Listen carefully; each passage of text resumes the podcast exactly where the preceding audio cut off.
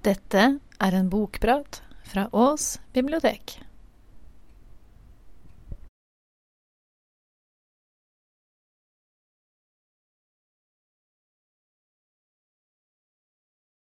I dag er jeg så heldig å få starte hele bokpraten på høsten. Eh, det er jo sånn Jeg har jobba her i eh, Ås før, men nå jobber jeg på Nordby bibliotek. Eh, jeg heter Anja, og i dag så har jeg med meg en bok som heter 'Barndomshjemmet'. Og den er skrevet av Lisa Jewel. Og Lisa Jewel hun er født og oppvokst i London og er født i 1968. Denne boken den handler om eh, familien Bird. Og den består av uh, Lorelei, som er moren. Og så hun, er hun gift. De har fire barn. De har Megan, eh, som er eldst. Så har de Bethan. Og så har de to tvillinggutter som heter Rory Race. Lorelei hun er en eksentrisk hippie. Hun er veldig vakker, og hun er helt uimotståelig for alle. Og um, det er altså sånn at eh, Lorelei hun klarer å gjøre hverdagsting om til store, fantastiske øyeblikk.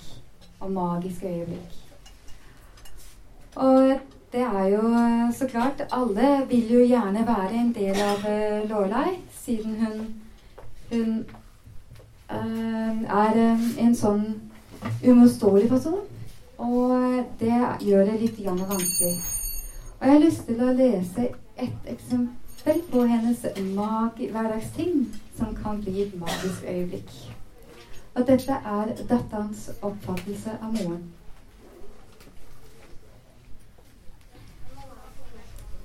Himmelen var mørk av regnskyer, og i det fjerne hadde tordene begynt å dønne. Steinhellene var fortsatt mørkegrå etter sine siste regnskur.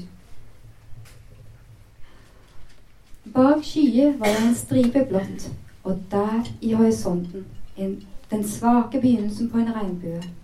Laila sto barfotet rett utenfor kjøkkenutdøra, kledd i en lang, flerfarget angoajakke.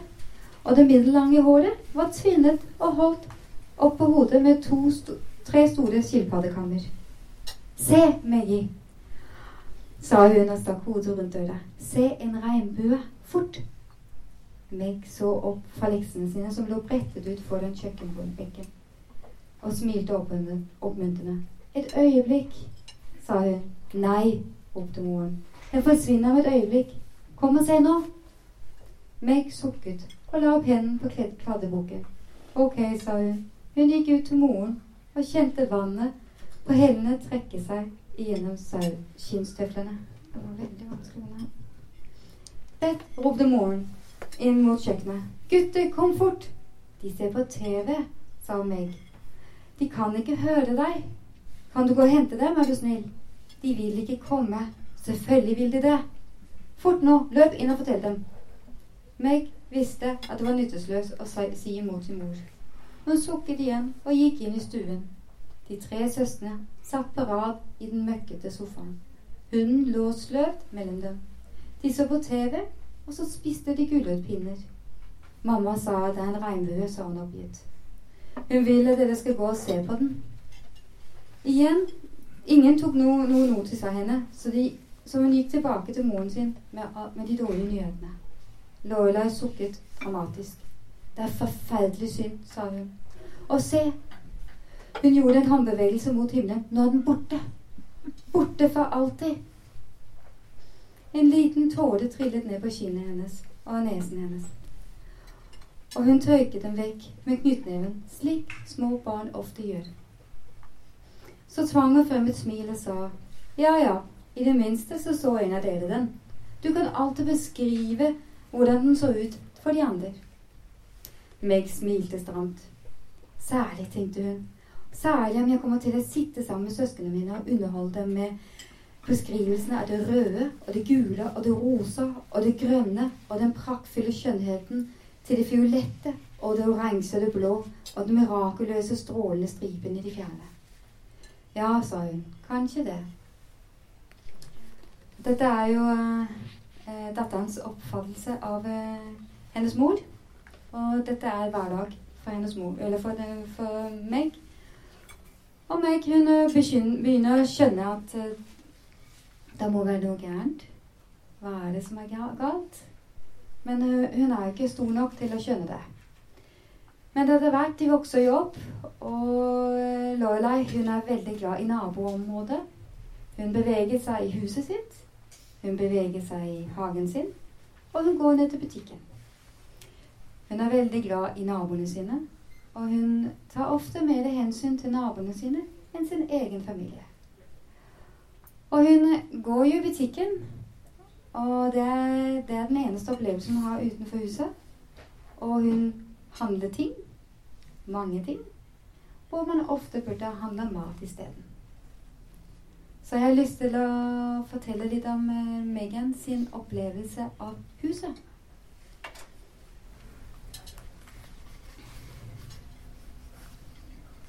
Her er de fest med naboene, som eh, er nabodamene. Har kommet på besøk. Og um, dette er Megans opplevelse. Så kikker hun så rundt i kjøkkenet deres på 15 år med barnekunst som kjærlig hadde blitt hengt og festet og klistret på veggene, og tanken på flukt sulnet i hjertet hennes. Hun reiste seg fra barnebordet og gikk og satte seg på faren sitt kne ved voksenbordet, i håp om å få noe av de gamle, gode, gamle barndomsfølelsene tilbake. Faren la en tynn arm rundt livet hennes, og Megan smilte til moren sin på den andre siden av bordet. Vet du hva, Lorelei, sa naboen deres Jenny. Kjøkkenet ditt er virkelig det beste stedet å være på en dyster dag som i dag. Lorelei smilte og la en arm rundt venninnen sin. Jeg mener det. Så koselig, så innbydende. Hvis jeg noen gang befinner meg alene og forlatt på en snøkledt fjellside, hvor jeg holder på å fryse i hjel, kommer jeg sannsynligvis til å hallusinere om dette stedet. Loreleirs kjøkken. Takk, sa Lorelei og kysset henne på kinnet. Megan, hun syns at det huset er et rot, ikke sant, vennen min? Det er et rot, svarte Megan. Lorelei lo. Hver sin smak, ikke sant? Megan hevet øyebrynene og himlet med øynene. Jeg skjønner bare ikke hvorfor vi må ha så mange ting. Jeg mener, jeg forstår alt dette. Og så, så gjorde hun en håndbevegelse mot barnekunsten. Men hvorfor, for eksempel, må vi ha 19 kjøkkenhåndklær? Lorelei snuftet. Vi har ikke 19 kjøkkenhåndklær. Vi har 19 kjøkkenhåndklær, mamma. Jeg talte dem her den dagen. Bare som et eksperiment. Se, hun spratt opp og rev kjøkkenskuffen opp. Hun trakk ut et eksempel og holdt det opp som bevis. Vi har kjøkkenhåndkle med hull i. Vi har kjøkkenhåndkle med brennmerker. Flekkete kjøkkenhåndkle. Tynnslitte kjøkkenhåndkle. Men se, vi har også splitter nye kjøkkenhåndkle. Fine kjøkkenhåndkle. Pandora, naboen, lo. Lorelei, jeg må innrømme at jeg kjøpte de der, for jeg var litt forskrekket av hvor gamle de eksisterende kjøkkenhåndklærne så ut sist gang jeg var her. Allikevel fortsatte Meg, Meg, Megan teatralsk. Hun begynte å bli varm i trøya. Kaster vi de gamle? Nei, det gjør vi ikke. Vi vasker dem, tørker dem og bretter dem og legger dem tilbake i skuffen, som nå har 19 kjøkkenhåndklær i seg. Ja, men vennen min, sa moren tørt, jeg må si, med tanke på at du snart skal ha eksamen om tre måneder, ville jeg trodd at du hadde bedre ting å fordrive tiden med enn å telle kjøkkenhåndklær. La meg kaste etter dem, mamma. Vær så snill, jeg ber deg. Hva med dette? Hun holdt opp en dvask grå kut med en rift tvers igjennom. Nei, ropte Lorelei. Absolutt ikke. Den kan tjene som fille. Mamma, sa Megan oppgitt. Vi har, spart, har en svart pose på trappavsatsen med stappfull med filler. Som vi aldri bruker. Vi trenger ikke flere filler. Legg den tilbake, sa moren. Og de glade øynene mørknet et øyeblikk. Vær så snill, bare legg den tilbake. Jeg skal rydde ut en annen dag, når dere alle er tilbake på skolen. Men det kommer du ikke til å gjøre, mamma. Det vet du og jeg Og hvis jeg kommer tilbake om ti år, så vil det være 30 kjøkkenhåndklær i skuffen, inkludert dette. Ja, det er jo litt vanskelig for Megan som uh, opplever uh, dette. Og hun er nok den eneste som, uh, som tenker sånn om dette. Hun, resten av familien tenker at hun er eksentrisk og blid og sånn. Og Megan hun tenker at det må jo være noe gærent. Det er jo et eller annet som ikke er riktig. Og det blir vanskelig for, um, for familien, fordi um, Laila hun er bare opptatt av naboer. Og det kommer jo nye naboer hele tiden. Men uh, barna vokser opp, og det gjør sånn at uh, de to tvillingguttene hun har Den ene sitter på rommet sitt hele dagen lang. Den andre gjør småkriminelle ting. Og hun bryr seg ikke. Og den jenta, den andre jenta, Bethan, hun, eh, hun lever i en boble hvor moren gjør at ting blir skummelt utenfor. Så hun lever i sin mammas boble. Og så har vi Megan. Hun flytter til, til slutt ut. Og, eh, og, det tror jeg er veldig bra for, for Megan. Men hun skjønner fortsatt at uh, det ikke er noe som er riktig. Det er uh, Moren samler på så mange ting. Hun sparer på det meste. Og går i butikken hver dag og kommer hjem med ting. Men det er altså sånn at det er en stor dag for um, Lorelei, og det er påsken. Påsken inviterer hun alle naboene. Nå har hun invitert et nytt sett med naboer som, uh, som hun uh, har blitt venn med. Og det betyr at hun ikke ser sin egen familie. Og da har jeg lyst til å lese litt om når, når eh, Megan kommer hjem og besøker sin familie. Hun har flytta fra huset, men hun kommer hjem og besøker sin familie på denne festdagen. Nei, beklager. Megane og Beddan så på hverandre og hevet øyebryn da lyden da lyden av den høye latteren fløyt gjennom vinduet og ut i hagen. De satt sammen der i den siste strålene med kveldssol. Så sa, så sa Beth, ikke alle syns mamma er like håpløs som deg, skjønner du. Jeg syns ikke hun er håpløs. Jeg mener bare hun er syk. Beth uffet seg. Hun er bare eksentrisk, det er alt. mm. Ja, men er hun det, Lobeth? Seriøst. Hun er, men hun er det, Lobeth, seriøst. Hun er skjønn. Så mye energi og så mye personlighet. Hun mener det godt. Hun mener det ikke godt. Vet du, Hun har ikke stilt meg et eneste spørsmål om jobben min siden jeg kom tilbake. Hun har ikke engang lagt merke til frisyren min. Kanskje hun er sint på deg fordi du dro hjemmefra? Ja, men det er vel helt normalt. Hva slags mor blir sint på en 21-åring som flytter hjemmefra? Greit, kanskje det ikke fordi du flytter hjemmefra, men det er fordi du bor i London. Hva har London med dette å gjøre? Halvparten av tenåringene som, som, bor i denne landsbyen, ender jo opp i London. Det er det vanlige mennesker gjør. Og hva med Waze? Hva med Waze? Nei, altså, det virker som om hun har gitt han opp helt. Hun fikk han ikke engang til å komme ned til maten. Det er som om hun ikke bryr seg. Hun prøvde, jeg hørte henne, men han nektet å komme ned.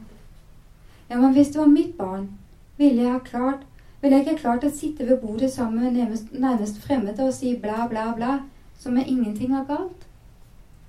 Jeg ville ha tvunget han ned. Jeg mener, han har ikke engang spist noe, og klokken er Hun gløttet på klokken. Klokken er nesten syv. Klokken er nesten syv, og hun sitter der inne og drikker seg full med en kvinne hun knapt nok kjenner. Og sønnen hennes har vært alene hele dagen. Hun har ikke engang sett til ham.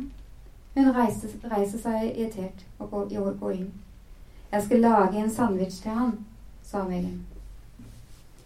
Hun lasset på kald lammekjøtt og myntesaus mellom to tjukke brødskiver og smurte på masse majones. Så fant hun en pose potetgull og en boks cola og satte alt sammen på et brett. Det gjorde henne rasende at hun lekte mor for sin lillebror, mens den virkelige moren satt der og drakk rødvin og nøyd oppmerksomheten for en ny interne bunder. På veien gjennom, vei gjennom huset krympet hun seg av synet av pappesker som sto langs gangen, trappen, På trappen hevet med uåpnet post, malerier som ennå ikke hadde blitt hengt opp. Alt var på halvveis dit, og det trengte å være. Alt var på et pågående arbeid, uten system, uten logikk, uten noen slags organisering. Alle som kom hit, inkludert Team og Vicky, de nye naboene, talte henfødt om hvor sjarmerende stedet var. Så koselig, så innbydende. Men de så ikke sannheten. Som var at dette huset var resultat av et forstyrret menneske. Og de, bodde, og de som bodde her sammen med henne, støtta opp under det. Hun nærmet seg rommet til Race. Musikken var høy. Hun var så høy at Megan kjente det gjennom føttene. Gjennom de gamle, ujevne gullplankene som hadde blitt hamret på plass for 300 år siden av håndverket som ikke ville visst hva de skulle tro om denne støyen.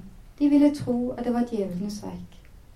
Og der var han, lillebroren hennes, han som hun aldri hadde følt passet inn, han som hun hadde sett, skeiv på og ikke knytta bånd til, den lille, den engstelige, den hun ikke snakka med.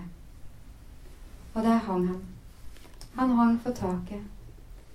Og eh, det er Megan som oppdager eh, sin lillebror som er faktisk bare en ungdom. Eh, og dette går veldig sterkt inn på Megan. Hun, hun får ingenting oppmerksomhet fra sin mor. Eh, Lorelei hun eh, virker nesten som om at det ikke har skjedd. Hun snakker ikke om eh, sønnen sin, som er død. Hun eh, vil ikke at noen i huset skal snakke om, om sønnen hennes. Og det er, eh, det er så forferdelig at, eh, at det å være hjemme i huset At eh, tvillingbroren til Race, Rory, han blir jo kriminell, da. Og roter seg ut i mange forskjellige ting. Og Megan hun, hun stifter familie og får barn. Men ektemannen til Lorelei, han, han flytter ut. Lorelei hun lever i sin egen liten boble, hvor eh, alle naboene er eh, glad i henne. Og eh, det blir at det splitter hele familien. Det det er altså sånn at den eneste som bor hjemme, det er Bethan.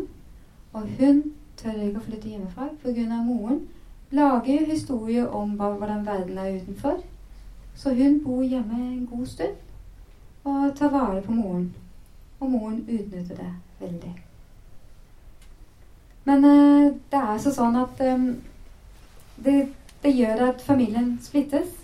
Og det er mange flere grunner til at familien splittes. Nå har jeg bare fortalt morens historie og, og Megan sin opplevelse. Så de splittes veldig eh, og ser ikke hverandre på mange år. Og det er så sånn at um, i starten av boken så skjønner man at uh, Lorelai hun er død. For det er også i nye tid denne boken handler om. Så da handler det om uh, Megan sin um, opplevelse når hun kommer tilbake i huset sitt, eller i barndomshjemmet sitt. Hvor Mone er, er død. hun er jo ikke i huset, men hvordan de kommer inn i dette huset. Megan hun har fått store barn, så hun tar med sin datter Molly. Og tenkte jeg skulle lese litt hva opplevelsen er når de kommer inn i huset, som de ikke har vært i mange, mange år på. Det var ikke et kjøkken. Ikke på noen tradisjonell eller lett gjenkjennelig måte. Det var en konstruksjon, en form, en enhet. Det var mørkt og hyggelig. Uten noe tegn til den lyse vårdagen som var utenfor. Bare en hvit strime som trengte seg gjennom en åpning i stablet foran vinduet. Meg følte så rundt på veggen til venstre for å lete etter lysbryteren, men lyset kom ikke på. Hun var ikke overrasket. Hun slo lommelyktfunksjonen på på mobilen og feide strålen gjennom rommet. Her er Jesus. Molly, datteren hennes, sto bak moren med en hånd trykket over munnen. Hun grep tak i armen til meg med den andre hånden. Megan sukket. Å, mamma. Molly slapp taket i morens arm. og lot hånden falle fra munnen. Jeg husker jeg spiste frokost her, sa hun. Det var et stort bord der med benker, og frokostblandingen den var i krukken der borte. Og det var utsikt ut av vinduet mot et tre. Begge snudde seg for å se det stedet hvor vinduene hadde vært. Det var vanskelig å plassere dem bak en vegg av ting. De var, det var desorienterende. Huset ga ingen mening lenger. Molly snudde seg mot moren. Hvordan skal vi komme oss igjennom huset til resten av huset? Meg sukket og svingte lommelyktstrålen rundt omkring innerst i rommet, hvor det i teorien skulle stå en dør. Den, det eneste strålen falt, var mere vegger, vegger innenfor vegger. Det var ingen tegn til ende på rommet, og ingen umiddelbar fornemmelse av hvordan man skulle komme, komme seg videre inn i huset. Men så plukket lyset opp en åpning, 30 cm brei. Hun rettet lysstrålen mot gulvet og så sandsteinsfliser. Hun kjente dem igjen på barndommen. Det eneste velkjente her så langt. Jeg tror, sa hun, og rettet lysstrålen mot den lille åpningen, at vi må gå denne veien. Tuller du? sa Molly. Nei, dessverre. Jeg får panikkanfall hvis jeg må gå igjennom der. Jeg også. Herregud, selv om jeg ikke er sikker på om jeg klarer å presse meg inn der engang. Det ser smalt ut.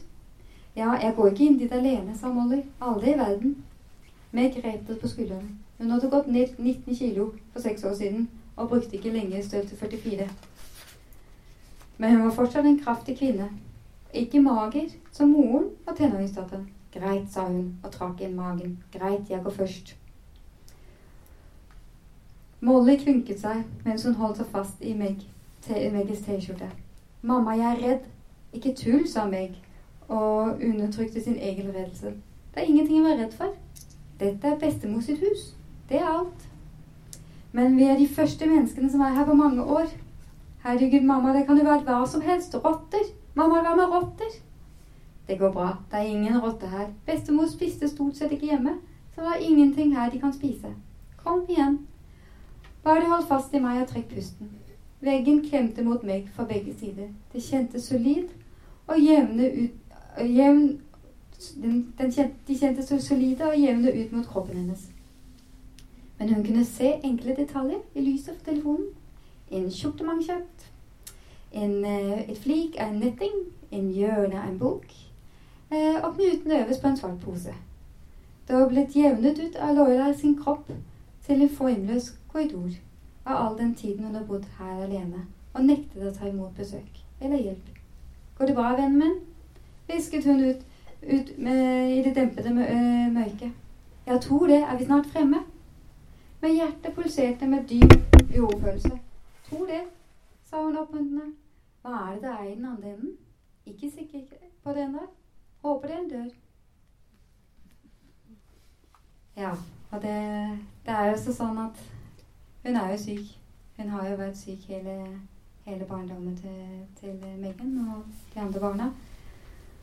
Og det er jo, det er jo Alle har hver sin historie inni her, så jeg røper ikke noe mer enn det. Men i starten av boken så vil dere lese at, eh, at Lorelei er død. Så det er eh, fra barndommen, og så er det fra nye historier. Veldig, veldig annerledes bok. Eh, som jeg, jeg har ikke lest en sånn eh, bok før, om en samler. Men eh, det er jo Det er jo det er egentlig veldig viktig å vite man, hvordan familier sliter pga. Uh, en ikke fungerer. Og uh, hvordan betydning det kan ha for barna. Så egentlig en veldig fantastisk bok. Den er dessverre for 2015, så, så jeg har ikke noen eksemplarer her. Men dere kan sette dere på, på venteliste uh, på den. Så, og vi klarte ikke å skaffe noen fra noen andre bibliotek. Så, men dere kan jo sette dere på venteliste på denne vi har her. Og så skal jeg si at i, på onsdager eh, nå fremover Vi har jo bokprat her i Ås på tirsdager. Men vi har bokprat på Nordby bibliotek om onsdagen. Og det er den samme som har bokprat om tirsdagen som det har onsdagen. Så hvis dere ikke rekker det om tirsdagen, så kan dere komme en tur til Nordby bibliotek og bli kjent der. Og, og høre på bokpraten om onsdagen. Så Hvilken klokke da? Og da er det ikke klokken tolv, da er det klokken elleve. Så, så det var det jeg hadde for meg, i hvert fall.